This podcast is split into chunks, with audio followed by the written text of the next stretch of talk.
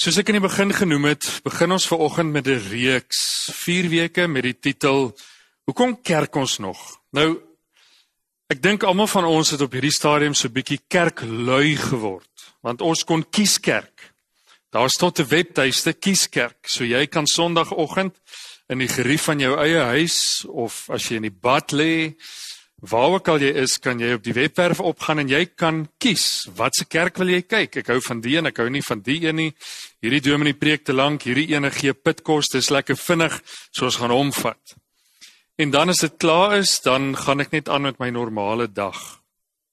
En ons dink dis eintlik oukei, okay, want dis gerieflik, dit het gewerk tot nou toe. Ek kry wat ek nodig het. So hoekom gaan ons nie nou maar net so aan nie? Maar die realiteit is dat ons as kerk gaan verarm as ons aanhou om dit so te doen.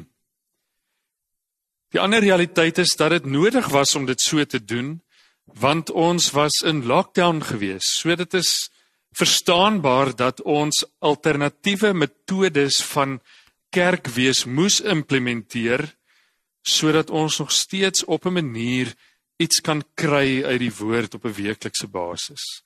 So vir oggend tik ons onsself nie oor die vingers nie.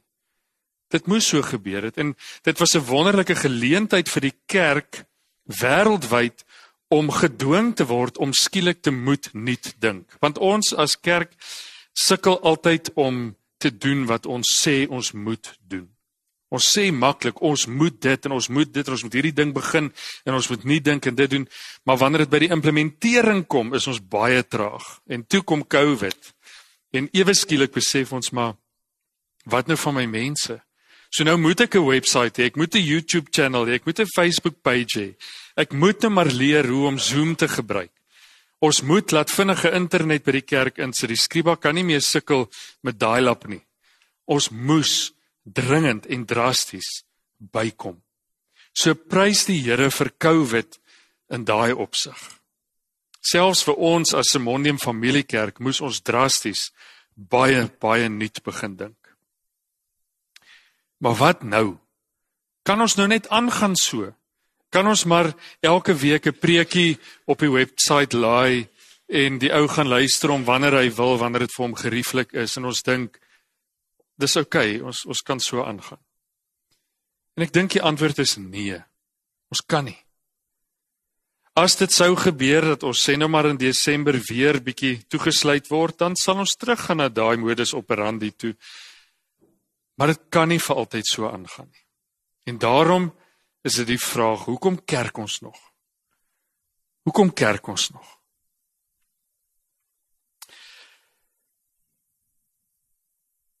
Daar's 'n paar redes.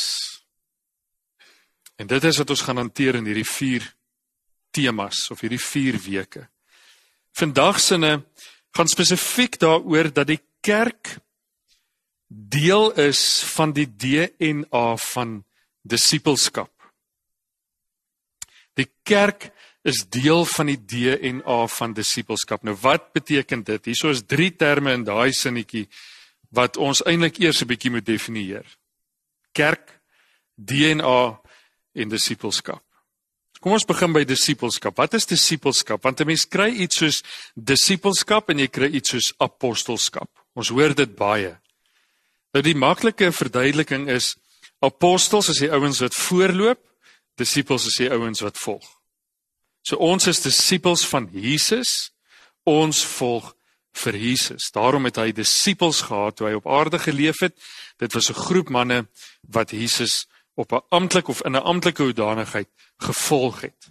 Daarom is hulle sy disippels. Later het hierdie disippels begin bekend staan as apostels. Want hulle het toe begin om leiding te neem. Hulle het begin om die kerk op te rig, om die ouderlinge en die diakens en die predikers te word. So hulle word toe die apostels genoem, want hulle begin toe voorloop. Nou as ons sê kerk is deel van die DNA van disippelskap, dan beteken dit met ander woorde dat as ek 'n volgeling van Jesus is, 'n disipel van Jesus is, dan is kerk essensieel deel van disippelskap wees. Ek kan nie kerk wees uit disippelskap uitvat nie. Ek kan nie 'n disipel wees sonder om deel te wees van die kerk nie. En die kerk is nie net die NG Kerk of die Doxa Deo Kerk of die VG Kerk nie. Kerk is die liggaam van Christus. Dis die mense wat sê ja om 'n disipel te wees. Dis die kerk. En hierdie kerk het iets met mekaar te doen net soos wat hulle iets met God te doen het. Daar's 'n vertikale verhouding in kerk wees en 'n horisontale verhouding. Nou ons het in die afgelope tyd nog steeds, ek wil amper sê soos normaal, hierdie vertikale verhouding van kerk wees ervaar.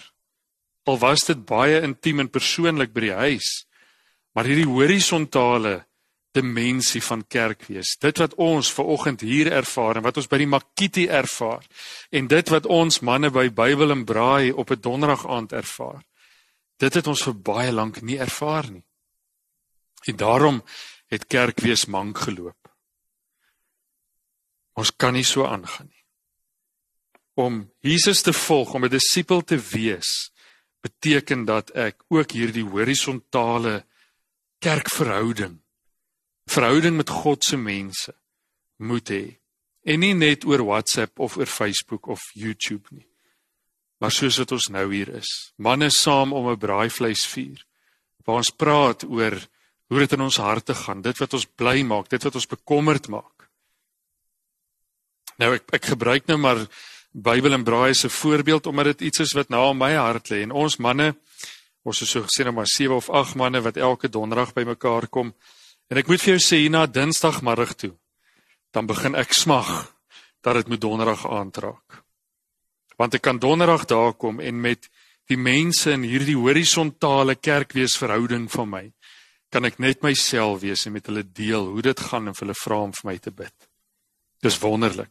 En dan besef 'n mens elke keer as jy dit ervaar, hoe ons dit gemis het in hierdie kwaai lockdown tye. Iets wat ons ver oggend hier beleef om so saam te sing en die opgewondenheid van hier wees. Ek mis dit. Dis lekker om dit weer te kan ervaar. Goed, so die eerste ding is nou weet ons wat disippelskap is. Nou moet ons mekaar sê maar wat is kerk? En dis die moeilike ding van vanoggend. Wat is kerk? Ek het nou so vinnig gesê kerk is die disippels wat ja gesê het vir Jesus, die groepering van disippels. Maar dis vir ons 'n moeilike ding om te verstaan want ons sit met 'n beeld van kerk wees in Handelinge in die Nuwe Testament En ons sit met 'n prentjie van wat kerkwees nou is en dit wil vir ons voorkom of hierdie twee prentjies onverzoenbaar is. Ons kry nie dit lekker by mekaar uit nie. Nou is daar klomp mense wat sê, maar we need to go back to basics. Ons moet teruggaan na die Handelinge 2 kerk toe. En dan sal mense wat sê, maar ons kan nie want dit is nie dieselfde nie. Ons leef nie meer in daai era nie. Ons moet nie dink ons moet nou die kerk soos 'n besigheid bestuur. Ons werk met groot hoeveelhede geld. Ons werk met fondsinsameling, met SARS, met regulasies. So ons moet soos 'n besigheid opereer.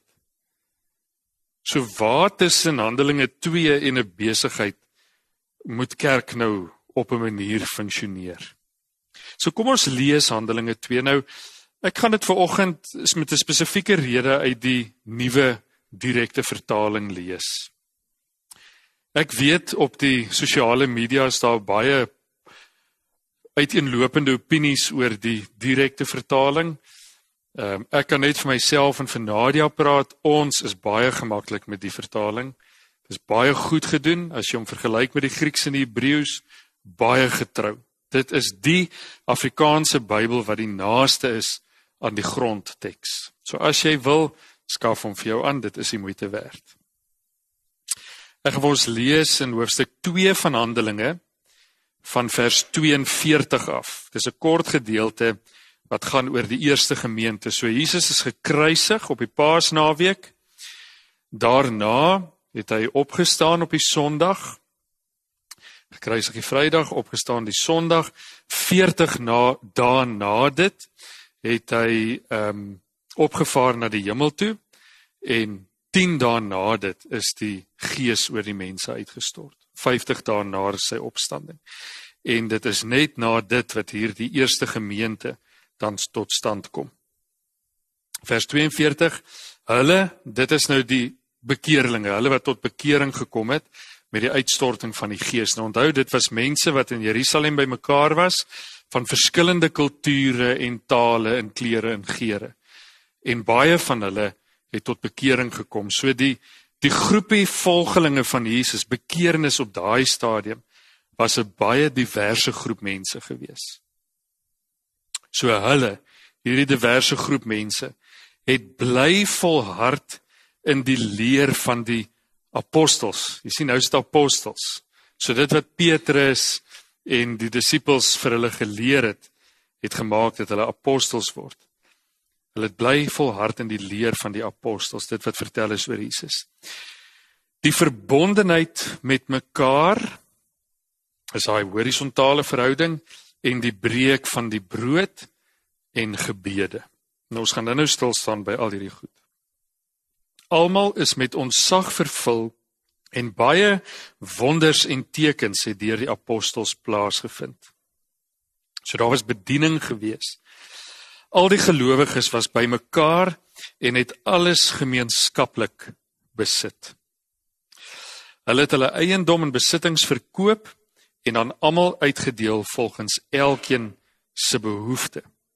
Hulle het eensgesind volhard om die tempelterrein daagliks te besoek, aan huis die brood te breek en hulle maaltye met uitbundige blydskap en met opregte harte te geniet.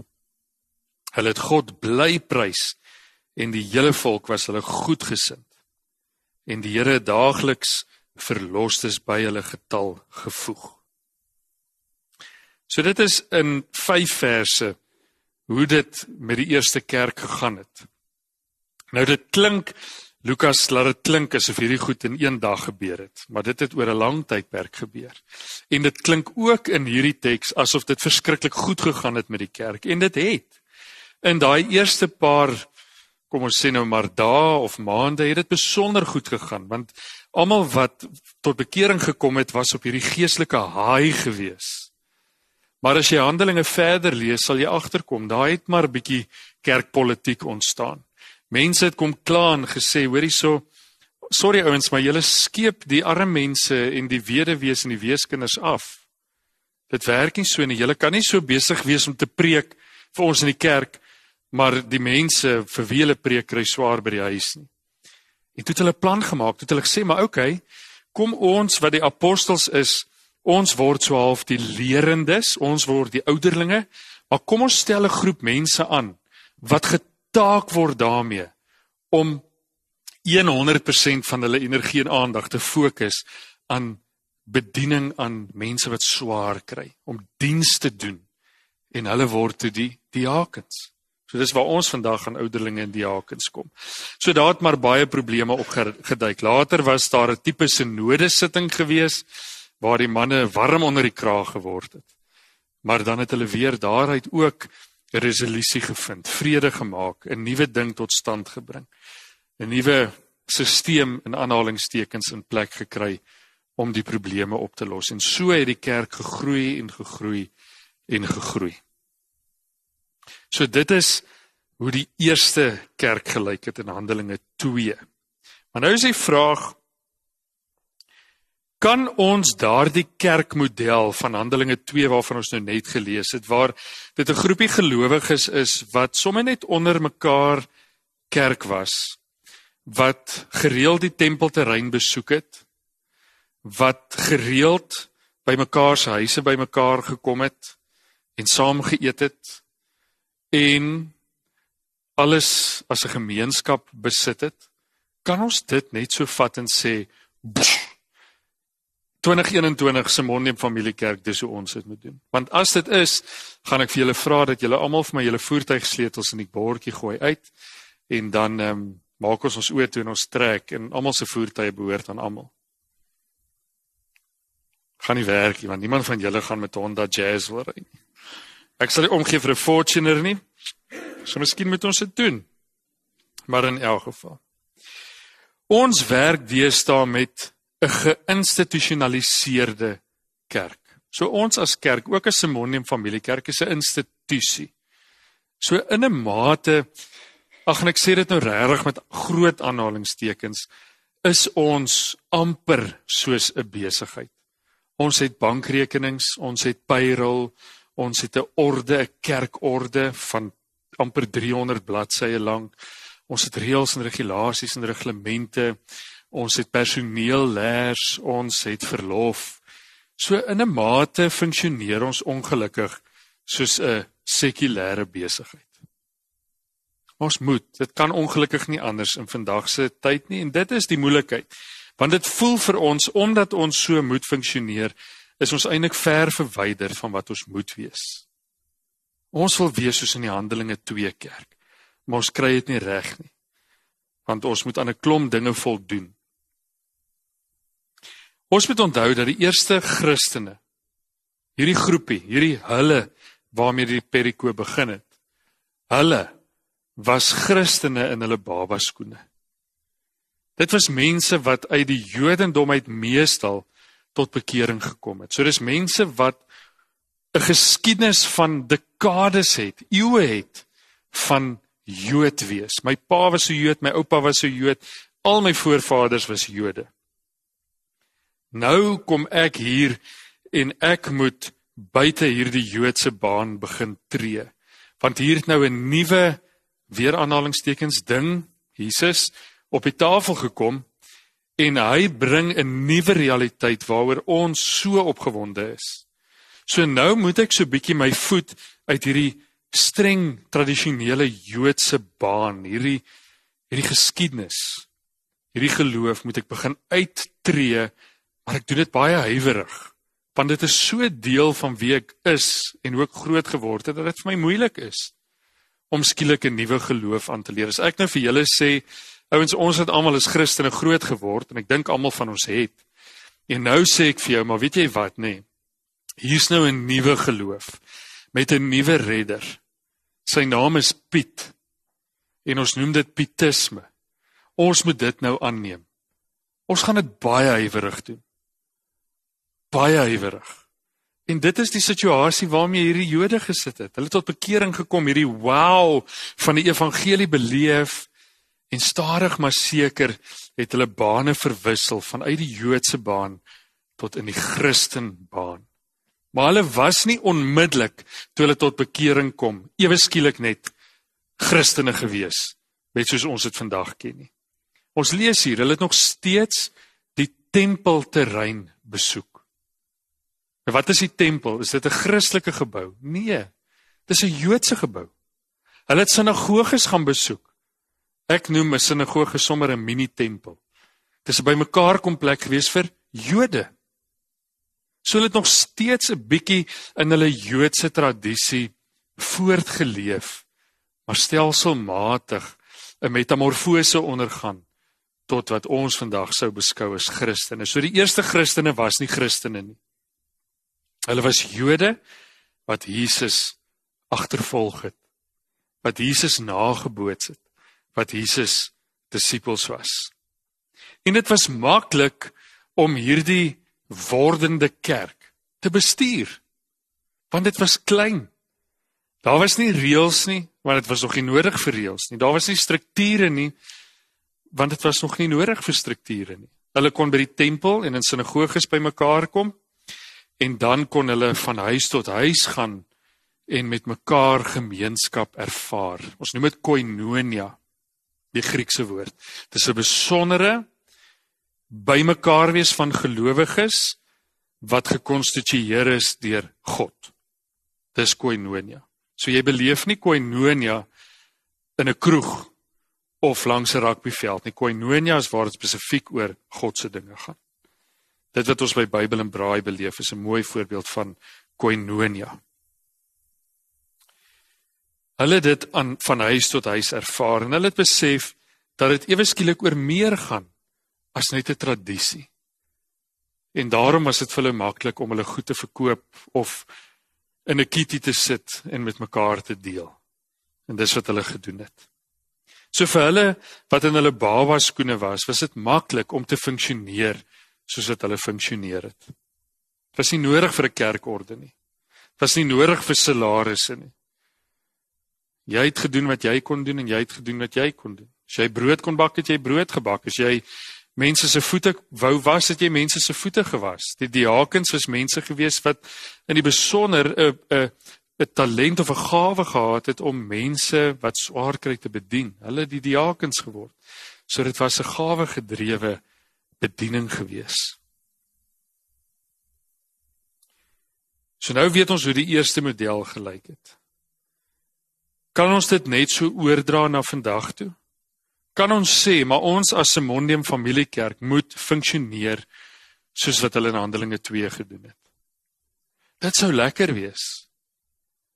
Maar ons kan eerlik met mekaar wees sonder om te sondig vanoggend en te sê ons kan nie.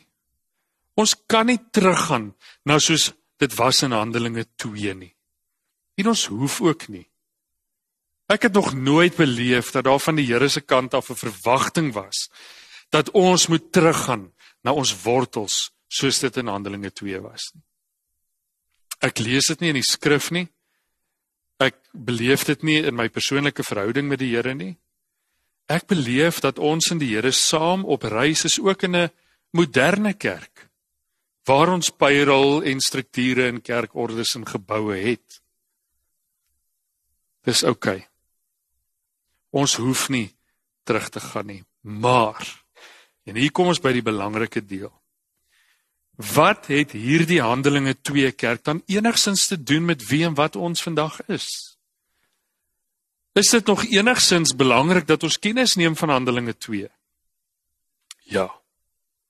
Want daar dinge in Handelinge 2 gebeur wat vir ons help om beginsels te vat en hierdie beginsels toe te pas op 'n moderne manier in 'n manier wat effektief en sinvol is in 2021 na die COVID pandemie. So op 'n manier kan ons die beginsels vat van Handelinge 2 en dit deurtrek na vandag. Toe ons gaan die Handelinge 2 as 'n handskoen oor ons hande vandag kan trek en jy gaan nie pas nie. So wat is die dinge wat ons dan kan en behoort oor te dra, daai beginsels na wie ons moet wees. Moet wees. Ek dink nie ons is in alle opsigte al dit wat ons moet wees nie. Die eerste ding wat hulle saam gedoen het en dit is vers 42 en ons gaan nou regtig net hierdie teks vat en die teks laat praat. Hulle het volhard in die leer van die apostels en verbondenheid met mekaar, die breek van die brood en die gebede. So het saam geëet. Moenie die krag van saam eet, die waarde daarvan onderskat nie. Ek het jare terug begin om 'n boek te skryf oor uit die buite die messelaai is die boek se titel. Wat absoluut gaan oor die waarde van saam eet en tafelgebede vir Christene. Dis op my bucket list om hom nog klaar te maak. Maar een van die dinge wat ek daar ontdek het in my navorsing was dat daar op 'n onderbewuste manier met ons as mense goed gebeur wanneer ons saam eet. En dis ongelooflike kragtige goed. Een van die dinge is is dat ons veral wanneer ons saam bid voordat ons saam eet, hierdie gemeenskaplike maaltyd opdra aan die Here en onsself spesifiek fokus daarop dat dit 'n gawe is wat ons uit God se hand ontvang. So nou word ons saam eet ook 'n koinonia geleentheid, 'n kerkgeleentheid waar ons sê hierdie handeling wat ons as 'n gesinnetjie nou saam doen, besef ons is nie maar net 'n ritueel nie. Dit is iets waarin God ons kom ontmoet, waarin God uit die natuur wat hy geskep het ons liggame mee kom versorg. Een van die ander goed wat ons doen is wanneer ons saam eet, ons bely teenoor mekaar ons menslikheid en ons onderafhanklikheid met mekaar. Want ek en Nadia werk saam om kos op die tafel te sit. Ons kry salaris, wie betaal die salaris? Simonium Familiekerk. Hoe kry Simonium Familiekerk fondse? Deur lidmate. So die feit dat ek en Nadia kos op ons tafel het, is die resultaat van 'n gemeente wat saam werk, wat saam kerk is. So daar gebeur wonderlike goed wanneer ons saam eet. Ons beleef dit nogal by Bybel en Braai ook. Daai gesellige saamwees is kragtig. Hulle het saam gebid. Hoeveel keer bid ons as kerk saam? Wie doen dit? Die dominee. As die dominee hier voor staan op 'n Sondagoggend, dan bid die dominee namens ons. Miskien as ons in Evergreen by die by die Bybelstudiegroep daar saam is, dan sal ons saam bid. By Bybel en Braai as ons hoor die kry swaar, dan sal ons vir die bid daar.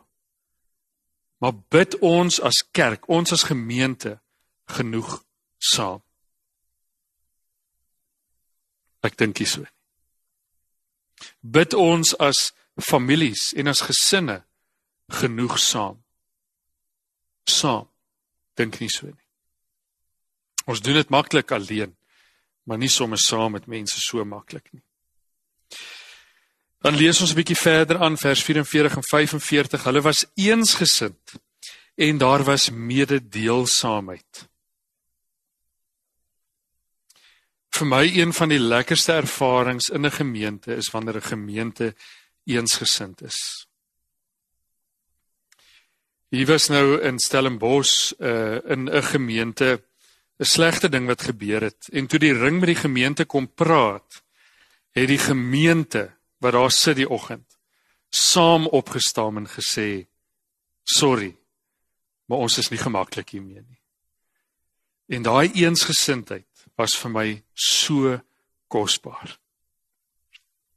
En in hierdie gemeente beleef ek baie baie eensgesindheid. Ek het met ons vorige Makiti vergadering daar by Tanya op die plaas, ons al wegry, toe sê ek vir Chris, Chris, dit wat ek nou in hierdie vergadering ervaar het, is nie die norm nie. Nou ek wil dit vanoggend hier vir julle ook sê. Die eensgesindheid in hierdie gemeente is nie die norm nie. Ek beloof julle. Ons is al amper 2 jaar in hierdie gemeente en ek het waarvan ek nou kan onthou nog nooit ervaar dat ons met mekaar naaste raak omdat ons nie eensgesind kan wees nie. En dis wonderlik. Ons moet dit hou. Ons moet aanhou om eensgesind te wees.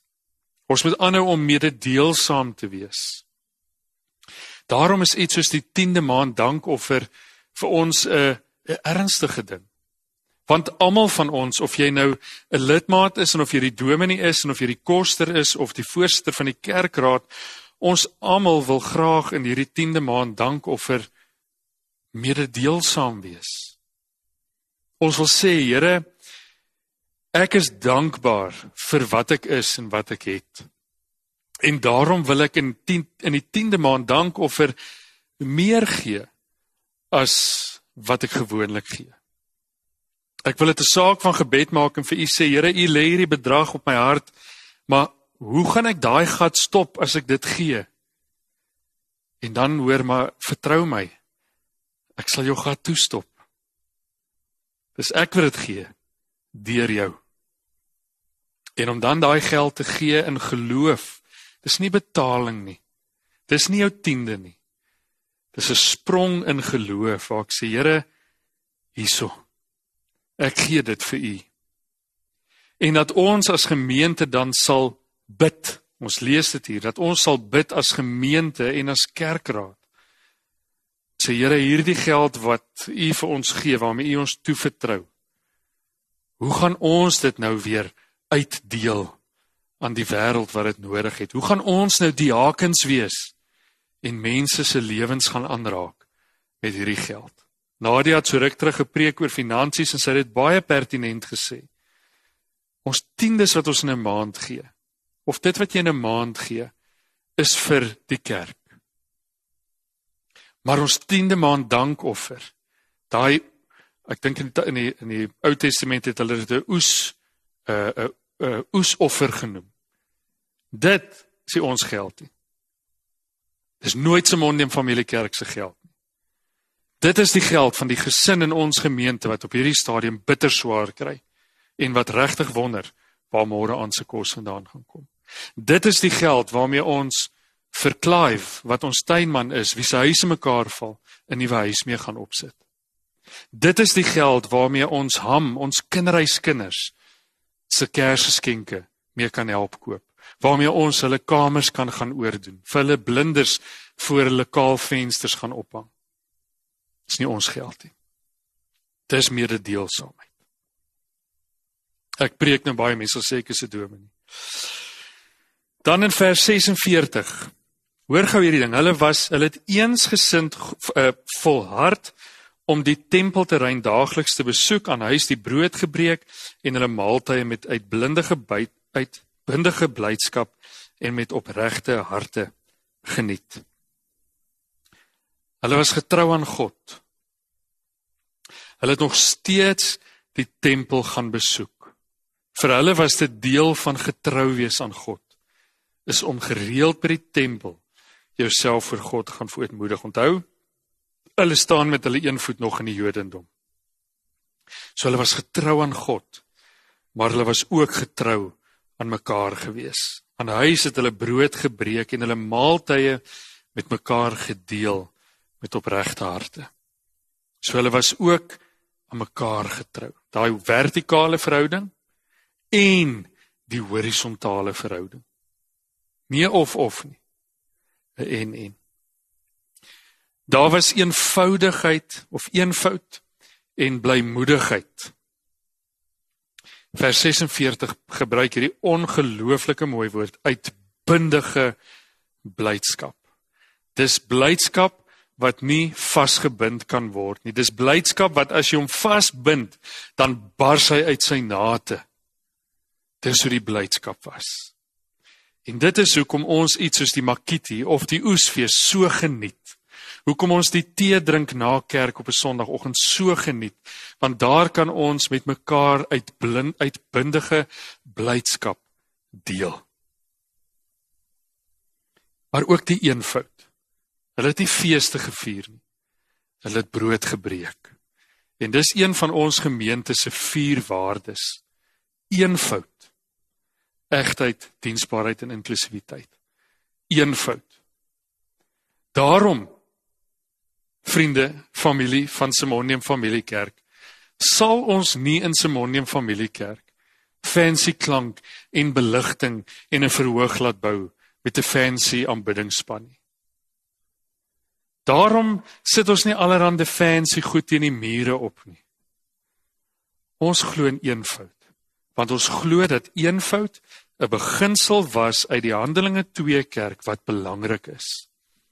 Want dit hou ons gefokus op oor wie dit regtig gaan.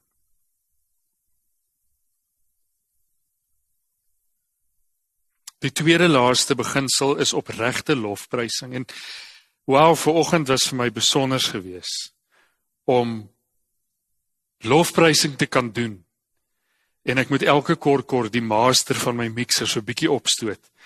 Want julle sing so lekker, ek kry myself nie gehoor nie. Daai opregte lofprysing. Dis 'n beginsel wat moet deel wees van die kerk. En dan die laaste ene verwelkomende groei. Ek weet dit is nie 'n woord nie, ek maak dit nou 'n woord. Groei wat mense verwelkom. Die meeste sondae is daar in ons gemeente iemand vreemd. Is daar iemand nuut wat die water kom toets? Dis my en jou verantwoordelikheid om daai mense so te laat welkom voel. Nie dat hulle by Simonium Familiekerk moet lidmate word nie.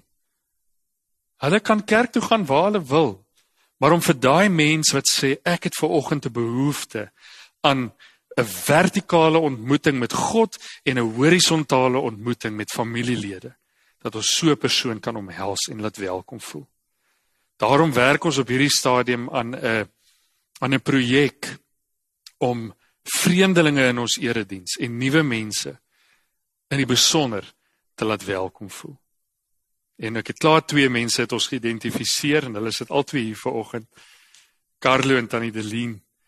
Ek is besig om met hulle te praat oor of hulle nie in 'n erediens wil kyk wie se vreemde mense en na die tyd hulle net gaan verwelkom en ontvang en induce in wie ons is nie.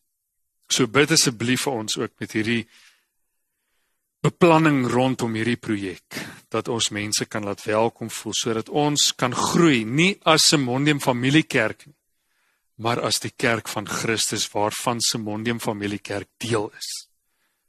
Sodat ons mense daar buite wat behoefte het aan aan 'n plek waar hulle kan kom aanbid en waar hulle kan kry en kan kom gee dat ons vir hulle 'n opsie kan wees as ons nie die opsie is nie dat ons vir hulle kan bid vir 'n tuiste waar hulle kan tuis en welkom voel. OK. So dit is die beginsels wat ons moet deel maak van ons kerk nou ook veral na die COVID pandemie. Is om saam te eet, om saam te bid, om eensgesind te wees. Met ander woorde wanneer ons 'n besluit moet neem in die kerkraad en ons moet stem daaroor, praat ons oor die ding totdat ons saamstem. Daar is 'n ring in Pretoria wat dit maak, wat dit 'n beginsel gemaak het om te sê ja, ons kan met 'n 2/3 meerderheid kan ons sekere besluite neem, maar ons kies om dit nie te doen nie. Ons skryf ons eie reël in hierdie ring. Ons neem nie 'n besluit voordat ons nie saamstem daaroor nie. En as ons nie kan saamstem daaroor nie, dan bid ons daaroor totdat die Here ons bymekaar bring. Eensgesindheid, mededeelsaamheid, getrouheid aan God en aan mekaar. Eenvoud. Uitbundige blydskap. Opregte lofprysing en groei. Waar beleef jy baie van hierdie goed? Op 'n Sondagoggend wanneer ons as familie hier saam is. Is hierdie wat ons nou ervaar kerk? Ja en nee. Dit is kerk, maar dis nie net kerk nie. Kerk is dit wat ons vir mekaar is ook deur die week. Ons kom vier ons kerk wees in die openbaar saam met mekaar op 'n Sondagoggend hier. Die eerste gelowiges se vorming in die geloof en die navolging van Jesus, hulle disippelskap wees, het hulle individueel gedoen voor die rekenaar met kieskerk soos ons dit vandag doen. Hulle het elkeen 'n persoonlike verhouding met die Here gehad. Maar hulle het ook so soos ons vandag hier en by Bybel en Braai en by die Oesfees en die Makiti, noem dit op, by mekaar gekom en gemeenskaplik kerk gevier. Volgende keer kyk ons na hoe die kerk ons elke keer wanneer ons met die kerk te doen het met 'n lidmaat of met 'n Sondagse erediens of 'n Bybelstudiegroep of wat ook al hoe God dit gebruik om ons weer te anker in hom. Die volgende keer kyk ons hoe die kerk ons familieband versterk. Ons gaan kyk na simboliek, sakramente, ons belydenis en ons getuienis en die laaste keer gaan ons kyk na hoe die kerk ons toerus vir die markplein. Want ons kan nie net altyd kerk wees na binne toe nie. Iewers moet daar ook 'n oorspoel wees na die wêreld toe. En hoe help die kerk ons daarin? Ek sluit af met hierdie woorde van Iwer Swart. Ek het dit op ons uh, Facebook gepost gisterand. Maar ek wil dit lees vir oggend. Iwer Swart is 'n skollie. Hy's 'n krimineel gewees. Hy het tronkstraf toe uh, uitgedien en tot bekering gekom en nou is hy 'n prediker vir pastor. En ek is mal oor hom, jy kan hom gaan volg op Facebook. Hy hy praat sin. Hy skryf gisterand nou met die oog op sy preek van vanoggend. Maar dit is so raak gesê dat ek dit graag wil deel. Ek moet daar kyk is te klein. Dis nou hy wat praat, hy wat daar in die sirkeltjie sit. Dis wie ek wat jou kerk toe nooi. Ek weet daardie woord los 'n bitter smaak in jou mond. Ek weet 'n pastoor of priester het jou laat glo hulle reëls is God se reëls En jy moet tog nie ongehoorsaam wees aan die reëls nie, anders gaan jy vir ewig en ewig brand. Ek weet, iemand het vir jou gesê jou ma se dood aan kanker is omdat jy nie genoeg gebid het nie. Dat jou geloof te klein was, dat jy dalk sonde in jou lewe het. Dis hoekom jy nie werk of man of enige deurbraak kan kry nie. Hulle het vir jou gelieg. Hulle verteenwoordig wie God nie is nie. God is liefde. God is 'n sagte uitnodiging in jou donkerste chaos. Ek weet jy kan God op jou eie ook ontdek. Baie van julle doen. Maar God het ook sy lewe gegee vir die kerk. En dis na dit toe wat ek jou wil nooi. Om die spooke van jou geskiedenis met die kerk te face en 'n nuwe liefde te kweek vir die gemeenskap van gelowiges. Kom kerk toe vandag asseblief. En daarmee verwys hy nie net na die erediens nie. As hy sê kom kerk toe asseblief, sê hy kom sit jou arms om jou familie hierso. So ek wil dit vir oggend vanoggend ook pleit. Kom ons kom kerk toe. Nie net op 'n Sondag nie. Kom ons kom na mekaar toe. Kom ons omhels mekaar. Kom ons gee vir mekaar. Kom ons neem van mekaar.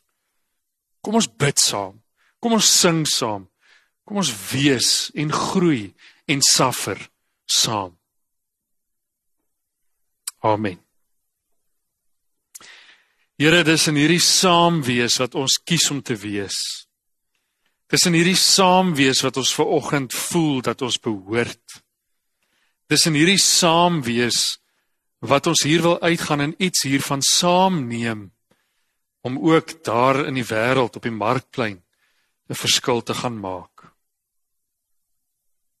Here, ek pleit ver oggend by U dat U ons as 'n gemeente maar ook die kerk van Christus oor die land en oor die wêreld weer sal oproep na die pandemie.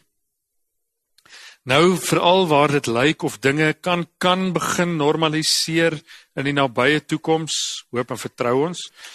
Veral dan Mag U ons nou maar weer ongemaklik maak voor ons rekenaars met 'n kieskerk. Mag U ons 'n honger en 'n dors gee om te behoort en om deel te neem aan hierdie horisontale gemeenskap van gelowiges waarin U ons kom plant het. Here mag ons vertikale verhouding met U uitspoel in hierdie horisontale verhouding met mekaar en mag ons saam hande vat in 'n vertikale verhouding met U. Saam U loof soos ons ver oggend gedoen het. Mekaar ondersteun. Mekaar ken. Van mekaar gee en van mekaar neem met blymoedige, opregte, nederige harte. Here, hierdie kerk, hierdie Simonium familiekerk is nie ons nie. Ons wil nie hierdie kerk hê op so 'n manier dat ons eienaars van hierdie kerk is nie. Ons wil nie die eienaars wees nie. Want dit beteken ons ontneem u van eienaarskap. Ons wil deel wees en ons wil apostels wees en ons wil disippels wees, maar u moet die baas bly. U moet die eienaar wees. En daarom kan ons net by u pleit vanoggend dat u ook vir ons as gemeente weer sal saamroep in u gees. Ons glo in u. En ons bely dat u die Here is ook van ons gemeente. Ons sien uit na wat U in ons gemeente gaan doen. Ons sien uit na wat U deur ons gemeente gaan doen. En ons sê vir oggend, ons is beskikbaar vir U. vir U diens in ons as gemeenskap van gelowiges, maar ook in die wêreld daar buite. Amen.